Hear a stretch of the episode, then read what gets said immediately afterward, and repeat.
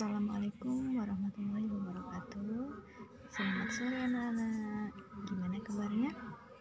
Hmm, baik bukan? Oh ya, besok hari Senin. Jangan lupa ya Bagi kalian yang belum kembaliin buku perpus Kita tungguin di sekolah Jam 8 sampai jam 11 Yang gak ada kepentingan Tetap di rumah aja. Enggak perlu ke sekolah Sampai jumpa besok. Assalamualaikum.